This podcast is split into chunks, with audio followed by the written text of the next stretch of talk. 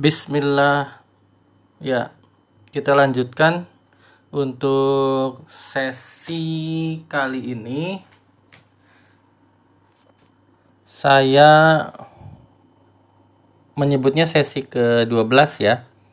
Mudah-mudahan tidak keliru menghitung sesi ke-12.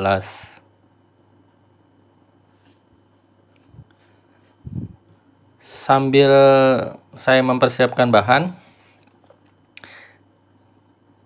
saya sampaikan kepada semuanya bahwa materi untuk ujian akhir semester itu sudah saya bagikan semua dan sudah pernah diuji cobakan di pertemuan di sesi yang lalu.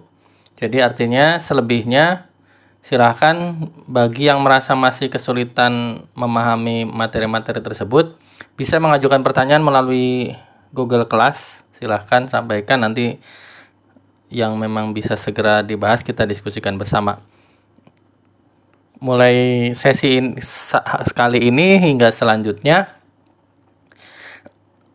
apa yang nanti sama-sama kita diskusikan ini tidak akan keluar di UAS. Jadi sebatas tambahan wawasan dan mudah-mudahan bermanfaat buat pembelajaran Anda semua.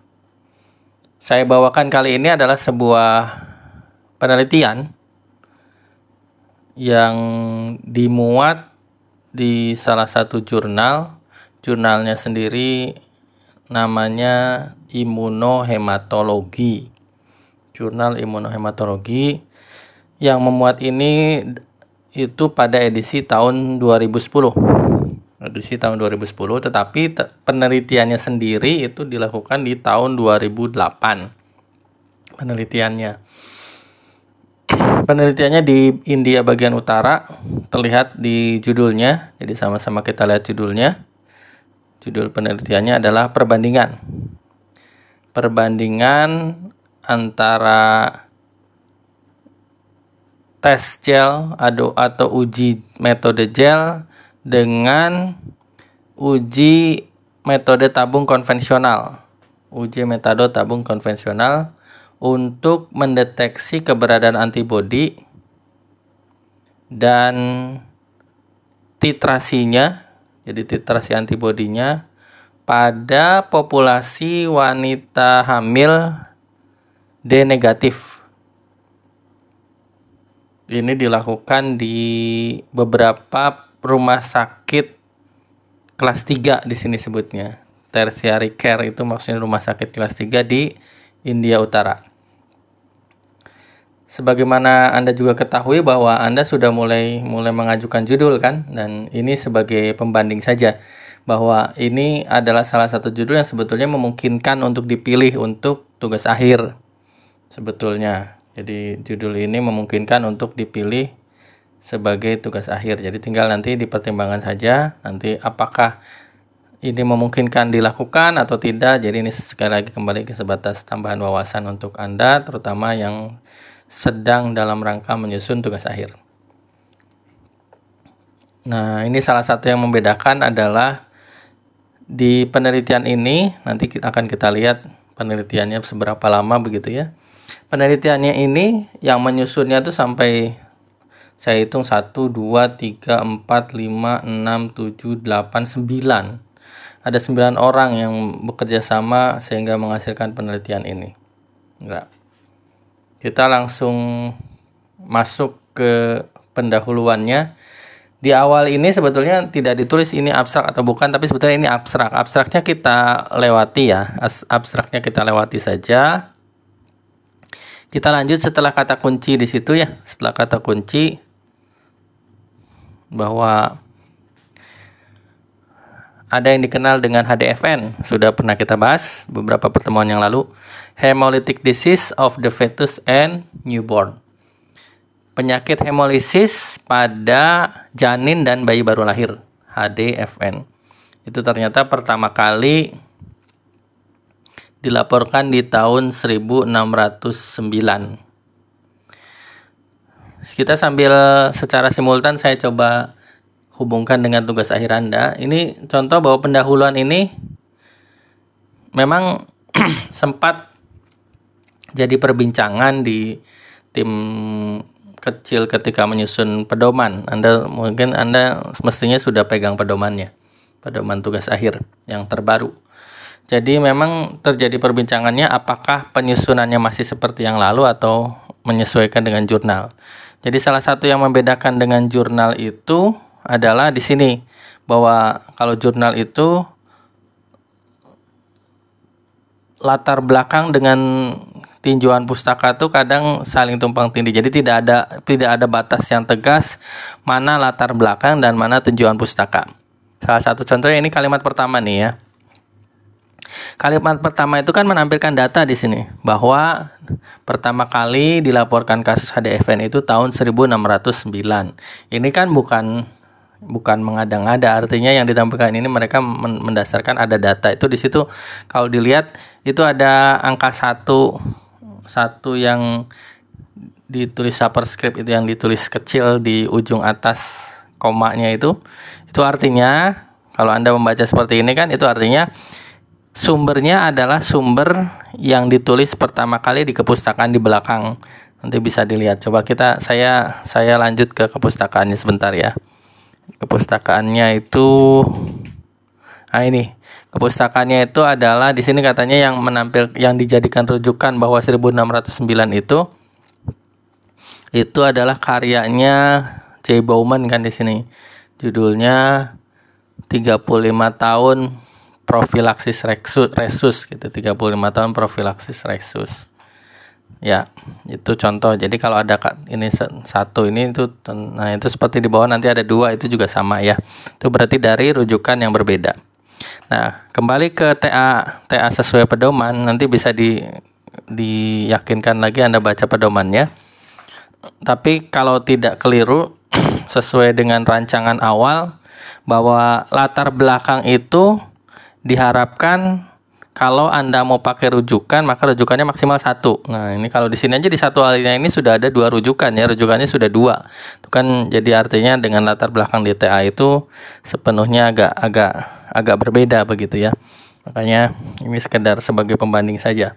Jadi ketika nanti Anda menyusun latar belakang TA misalnya berkaitan dengan ini umpamanya ini imunohematologi misalnya bank darah atau transfusi darah, maka data-data yang menampilkan rujukan maka jangan banyak ditampilkan di latar belakang tentunya kan ini tampilannya adalah di pinjauan pustaka. Seperti di sini alinea pertama itu sudah ada dua kepustakaan muncul dalam satu alinea. Lihat perbedaannya dengan nanti Anda rasakan sendiri kecenderungannya. Sebagian besar saya tidak belum pernah lihat sepanjang se, se, seingat saya di angkatan berapapun itu sepanjang yang saya pegang begitu bahwa misalnya satu alinea itu diambil dari lebih dari satu satu rujukan itu saya belum pernah lihat. Hampir sebagian besar bahkan beberapa alinea itu satu rujukan. Itu kan sedangkan yang umum yang umum terjadi di karya-karya ilmiah di internasional itu satu alinea itu bisa lebih dari satu rujukan. Jadi mereka hanya mengambil dari satu rujukan itu satu kalimat. Satu jadi beberapa kalimat itu bisa berasal dari beberapa rujukan dan digabungkan menjadi sebuah alinea begitu. Itu artinya menandakan bahwa si penulis ini memang membuka berbagai macam rujukan. Nah, ini yang kemudian menantang menantang Anda lah silahkan. Mau bisa diwujudkan bahwa apakah memungkinkan di satu alinea itu tidak dari satu rujukan. Yang kecenderungannya yang saya saya alami sih beberapa beberapa angkatan ya tidak hanya satu alinea, beralinea-alinea bahkan berhalaman-halaman hanya ada satu rujukan. Itu yang sangat ya sangat diupayakan untuk dijauhi begitu ya kalau bisa. Jadi kalau bisa Anda bisa memperkaya kepustakaan sehingga di satu halaman itu ada bahkan kalau boleh kalau memungkinkan seperti ini misalnya. Satu alinea bisa ada satu dua rujukan atau lebih. Ya kita lanjut. Bahwa di sini menggambarkan kasus laporan kasus pertama kali itu ternyata tidak langsung disikapi untuk diteliti lebih lanjut begitu ya. Ini buktinya butuh 30 tahun lihat tuh butuh 30 tahun bahwa baru diketahui bahwa ternyata kasus yang terjadi di tahun 1609 itu disebabkan oleh ketidakses ketidaksesuaian atau inkompatibilitas pada sistem resus yang sementara sistem resusnya baru ditemukan di 1900 oh maaf maaf saya salah. Bahkan lebih dari 30 tahun ya 330 tahun. Nah ini yang yang kadang dalam hal ini juga artinya seberapa meyakinkan data di tahun 1609 itu begitu. Artinya selama 330 tahun apakah betul apakah sampai sekarang ya. Sampai sekarang itu data betul-betul tersimpan rapi sehingga menghubungkan bahwa ini kasus yang sama yang terjadi 330 tahun yang lalu ternyata baru bisa dibuktikannya pada tahun 1939 dan baru itu pun pembuktian itu baru baru sebatas pembuktian adanya sistem penggolongan darah selain ABO gitu ya. 1939 itu menyat, meng, mempublikasikan bahwa ada sistem golongan darah lain selain ABO dan baru satu tahun setelahnya itu ternyata gitu kan baru bisa diberikan penjelasan oh ternyata ada beberapa kasus yang semirip yang salah satunya di 1900 1609 ini itu ternyata disebabkan oleh inkompatibilitas sistem resus. Meskipun demikian karena lihat di kalimat terakhir di alinea ini bahwa sampai saat ini sampai hari ini itu penelitiannya belum berhenti terutama untuk mengungkap secara keseluruhan bagaimana kasus HDFN itu sebetulnya terjadinya seperti apa sih gitu. Kemudian yang kedua dampak dampak baik terhadap ibunya gitu kan ibunya maupun terhadap bayinya kalaupun bayi ini selamat begitu dampaknya apa. Kemudian terkait dengan pencegahan bagaimana cara mencegah agar ini tidak terjadi tidak berulang dan kalaupun terjadi bagaimana pengelolaan terapinya. Ini empat hal ini yang sampai sekarang masih sampai sekarang itu meskipun ini disebutkan ini tahun 2008 tetapi kenyataannya sampai hari ini penelitiannya tetap tidak berhenti. Ya. Alinea berikutnya bahwa anti D itu berdasarkan data-data terkini pun masih diyakini sebagai penyebab paling sering. Penyebab paling sering kasus HDFN ya penyebab paling sering kasus HDFN oleh karenanya ini pula yang menjadi cikal bakal pemberian ini di sini. Pemberian imunoglobulin D atau IgD, imunoglobulin D bagi bayi baru lahir sebagai pencegahan. Jadi cikal bakal. Tapi meskipun pemberian itu dilakukan ternyata tetap belum sepenuhnya. Makanya tadi di, di, di atas disebutkan bahwa pencegahan dan pengelolaan terapinya pun masih masih tetap belum memuaskan gitu ya. Kasus-kasus masih tetap terjadi di beberapa tempat meskipun pemberian imunoglobulin D sebagai pencegahan itu sudah dilakukan. Oleh karenanya tadi masih banyak misteri, masih banyak misteri yang harus diungkap di sini. Ya. Kita lompat ke alinea berikutnya bahwa pada asalnya kan memang teknologi yang dimiliki adalah teknologi tabung. Jadi sehingga pemeriksaan terkait pendeteksian antibodi pun juga ya dengan menggunakan teknologi ini gitu ya. Jadi teknologi tabung itu sudah melewati masa yang panjang di, diandalkan untuk pemeriksaan antibodi. Nah, baru ini di sini sebutkan tahun 1990 belum lama kan? 1990. Jadi sekitar 30 30-an tahun yang lalu lah. Belum lama itu orang Prancis namanya Lapierre. Lapierre itu memperkenalkan yang saat ini dikenal sebagai uji metode gel. Uji metode gel. Untuk mengetahui bentuknya, itu di bahan yang pernah saya bagikan itu ada di situ ada gambar tuh ada gambar gelnya silahkan nanti bisa bisa melihat di situ gambar gelnya nah ini seharus se, hingga sejak ditemukannya gel metode gel ini akhirnya ini jadi andalan.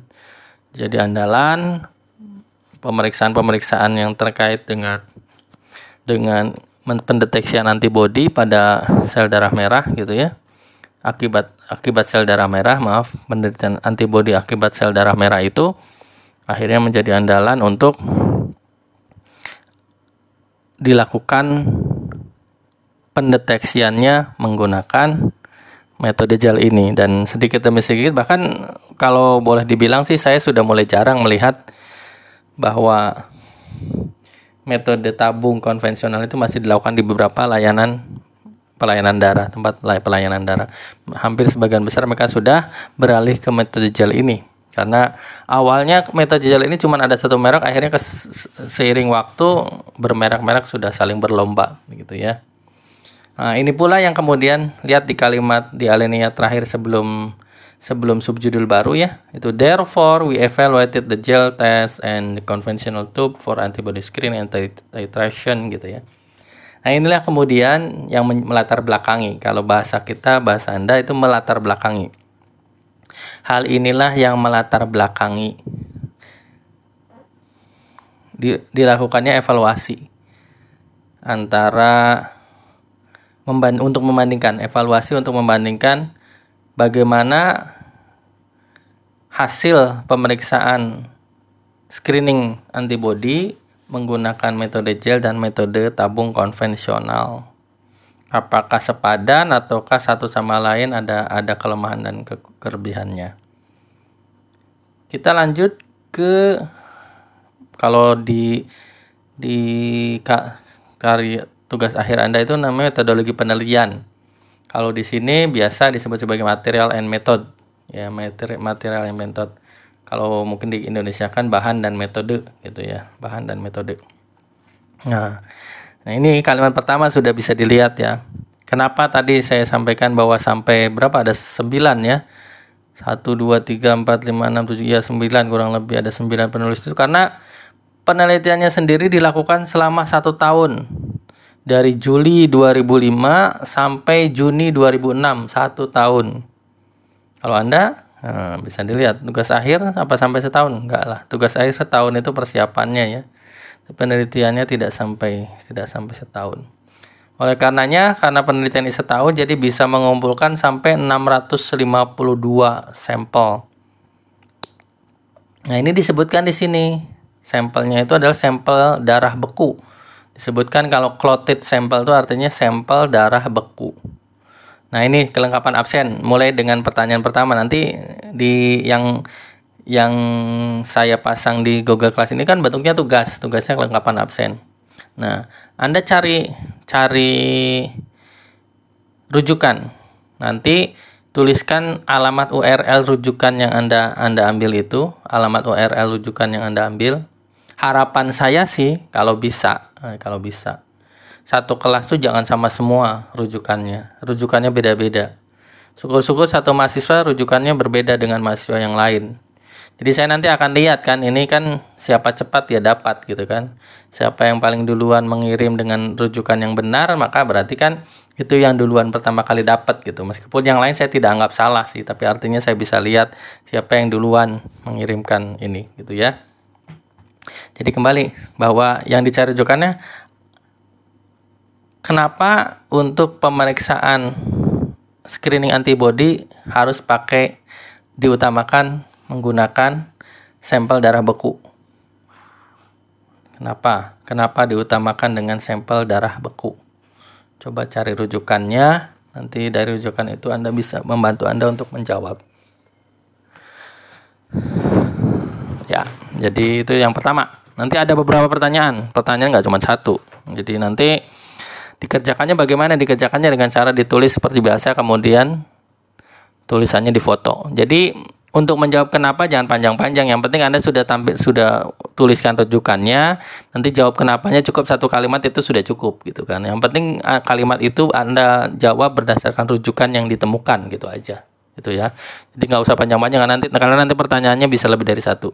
Jadi ini pertanyaan pertama. Ya, pertanyaan pertama itu. Bahwa ada 652 sampel darah beku yang diambil dari 223 eh, antenatal D plus D min.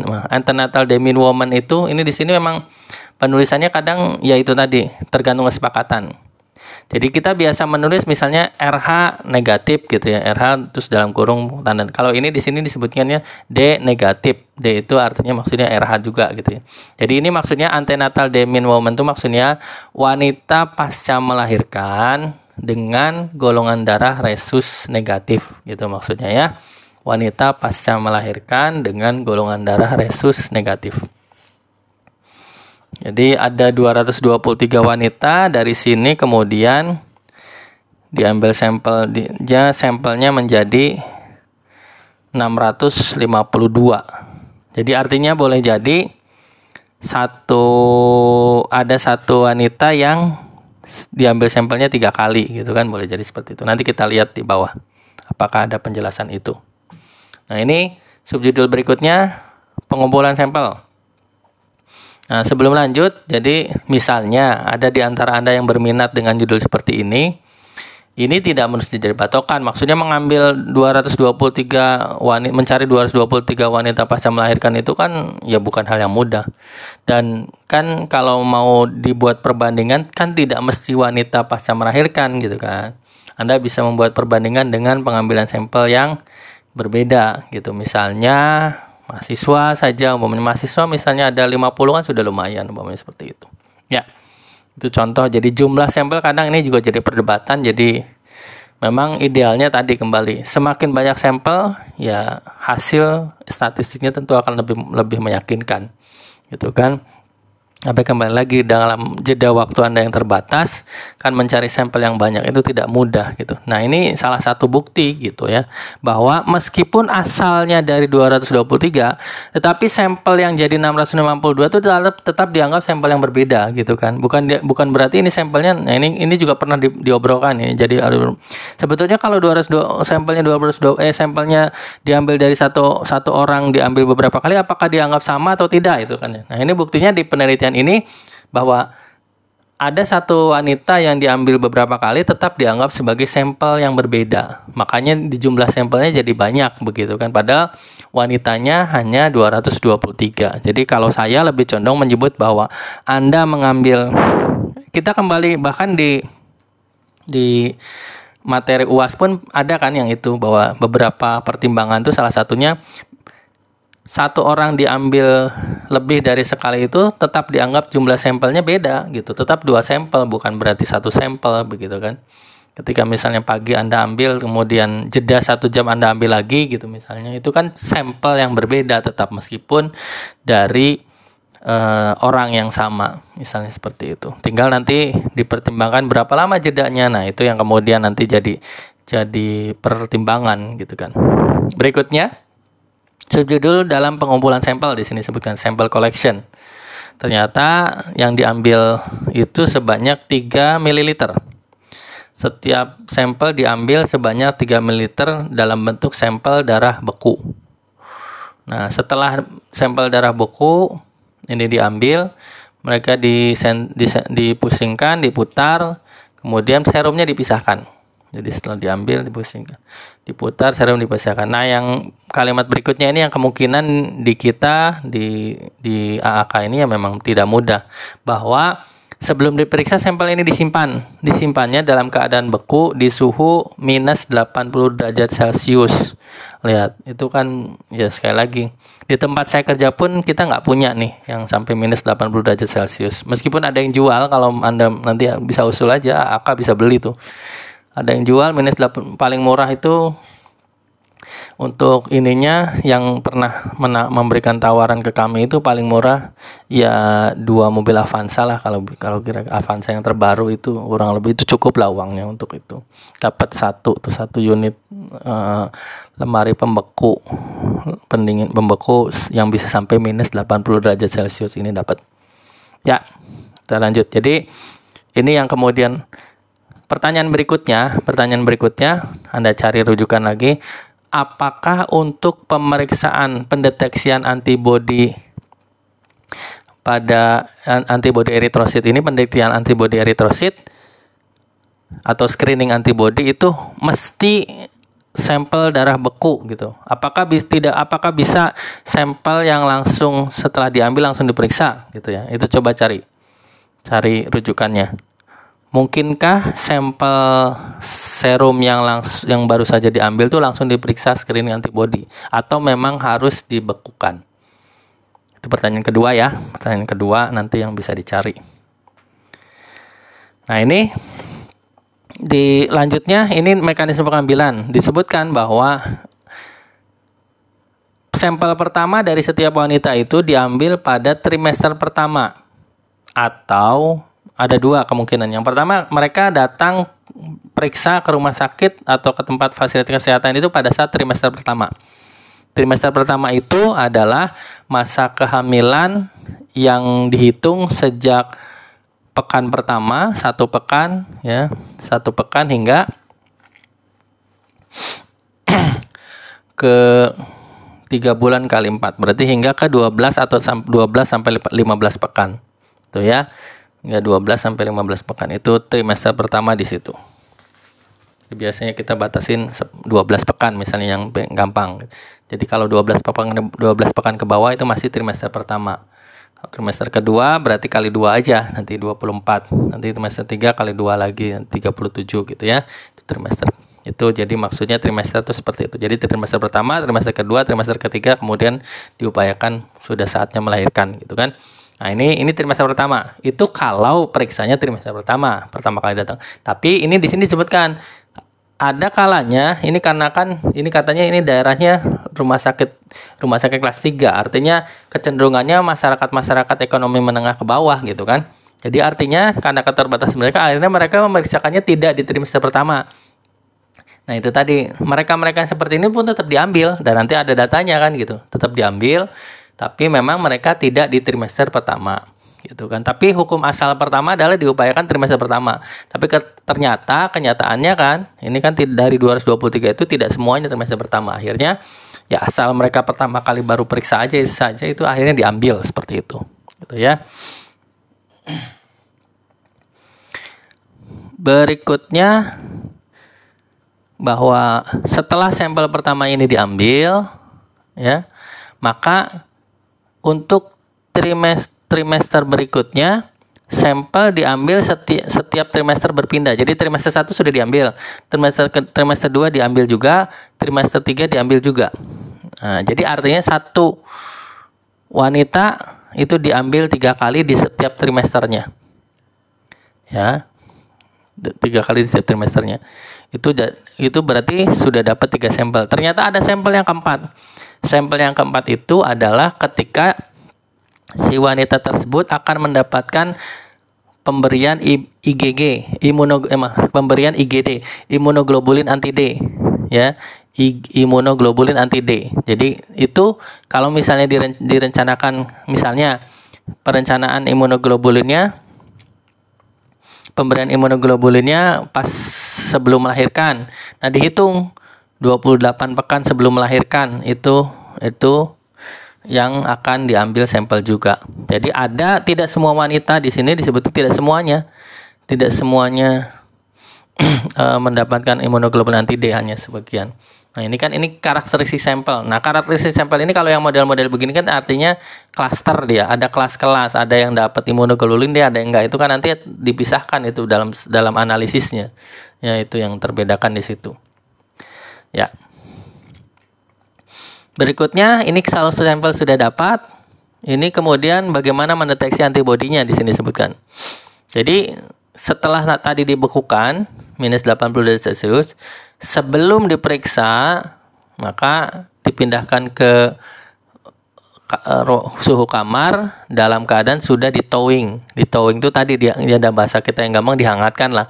Dari beku jadi cair gitu ya, dicairkan dicairkan dengan ada mesinnya tersendiri. Itu ini juga harganya tidak murah. Mesin towing itu ada mesin tersendiri mesin towing untuk uh, sampel darah.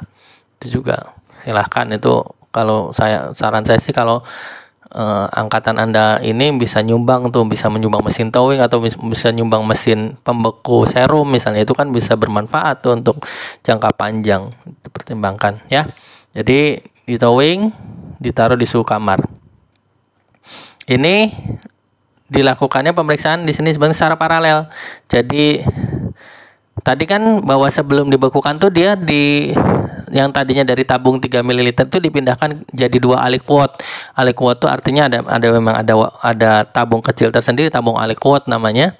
Nanti bisa dilihat deh di itu. Mudah-mudahan saya di kalau di kantor ada nanti saya bawa kapan-kapan. Ada tabung aliquot dan saya yakin Anda juga sudah dikenalkan lah tabung aliquot, bukan hal yang baru ya. Ada dua jadi satu tabung aliquot untuk konven tabung metode tabung dan satu tabung satu sampel yang satu aliquot sampel itu untuk metode gel. Jadi berbarengan paralel. Paralel. Kemudian ini disebutkan bahwa kalau yang namanya screening antibody itu butuh yang namanya panel screening. Ini disebutkan di sini. Sel panel screening. Ada sel panel screening Sel rekening sini umumnya sudah dibuat oleh pabrik. Di sini yang digunakan yang dibuat oleh pabrik di Swiss, pabrik Diamet. Ini yang paling terkenal nih memang dulu dulu. Sekarang kalau dulu di awal di tahun 2008 memang termasuk yang paling terkenal. Ini kan tahun 2007 2008 ya ininya. Misalnya termasuk yang paling terkenal. Nah, sedangkan di sini disebutkan untuk metode tabung itu yang digunakan adalah suspensi eritrosit dalam normal salin. Nah, jadi kalau tadi kalau untuk metode gel itu panel screeningnya itu pakai buatan diamet, tapi kalau metode tabung tidak pakai buatan diamet, bikin sendiri membuat eritrosit suspensi 3% di normal salin. Pertanyaan ketiga, bagaimana cara buatnya? Nah, Anda cari rujukannya. Bagaimana cara buat suspensi eritrosit 3% dalam normal salin? Ya, itu pertanyaannya. Nah, kemudian akhirnya setelah itu setelah disiapkan mulailah melakukan pemeriksaan untuk yang metode tabung. Satu tetes suspensi eritrosit ditambahkan dicampur dengan dua tetes serum. Ya serum kemudian diinkubasi di water bath 30 derajat celcius selama 60 menit. Inkubasinya selama 60 menit. Setelah tiga kali pencucian dengan normal salin maka ditambahkan namanya anti human globulin polispesifik. Ada ini juga sudah dibuat oleh pabrik, ada pabrik, ada ada produk buatan pabrik AHG polispesifik itu sudah ada. Jadi ditambahkan, kemudian tabungnya diputar dengan kecepatan 3000 xg selama 15 detik menggunakan sentrifuge yang sesuai. Artinya sentrifuge punya ukuran tabung tersendiri. Setelah diputar, tabung dikeluarkan, kemudian dilihat terjadi aglutinasi atau tidak. Nah, reaksi aglutinasinya di, dicatat dengan gradasi mengikuti ini namanya ada AIBB technical manual. Nanti nanti kapan-kapan saya tapi secara umum bahwa gradasinya itu kurang lebih sama dengan gradasi kalau Anda melakukan uh, tes golongan darah gitu dari positif 1 sampai positif 4. Ada ada ada plus minus di awalnya kemudian positif sampai positif 4. Gradasinya seperti itu. Nah, kalau metode gel, kalau tadi kan metode tabung itu satu tetes ber, ditambah ketemu dengan dua tetes. Kalau yang metode gel, metode gel ini itu 50 mikroliter 50 mikroliter eritrosit dari yang panel tadi, ya eritrosit panel itu dicampur dengan 25 mikroliter serum yang akan diperiksa. Jadi 50 mikroliter eritrosit panel tadi dicampur dengan 25 mikroliter serum yang akan diperiksa. Nah, karena bentuknya kartu, saya lagi kartunya bisa dilihat di buku yang pernah saya bagikan untuk materi UAS kemarin ya. Bisa dilihat bahwa karena bentuk kartu maka kartunya ini yang kemudian diinkubasi. Inkubasinya lebih cepat lagi. 15 menit dalam suhu yang sama, 37 derajat Celcius. Setelah itu diputar Kecepatan putarannya juga lebih lebih rendah 1050 rpm selama 10 menit. Bedanya kalau tadi di atas hanya 15 detik 3000 xj. Kalau ini 10, 10 1050 rpm selama 10 menit.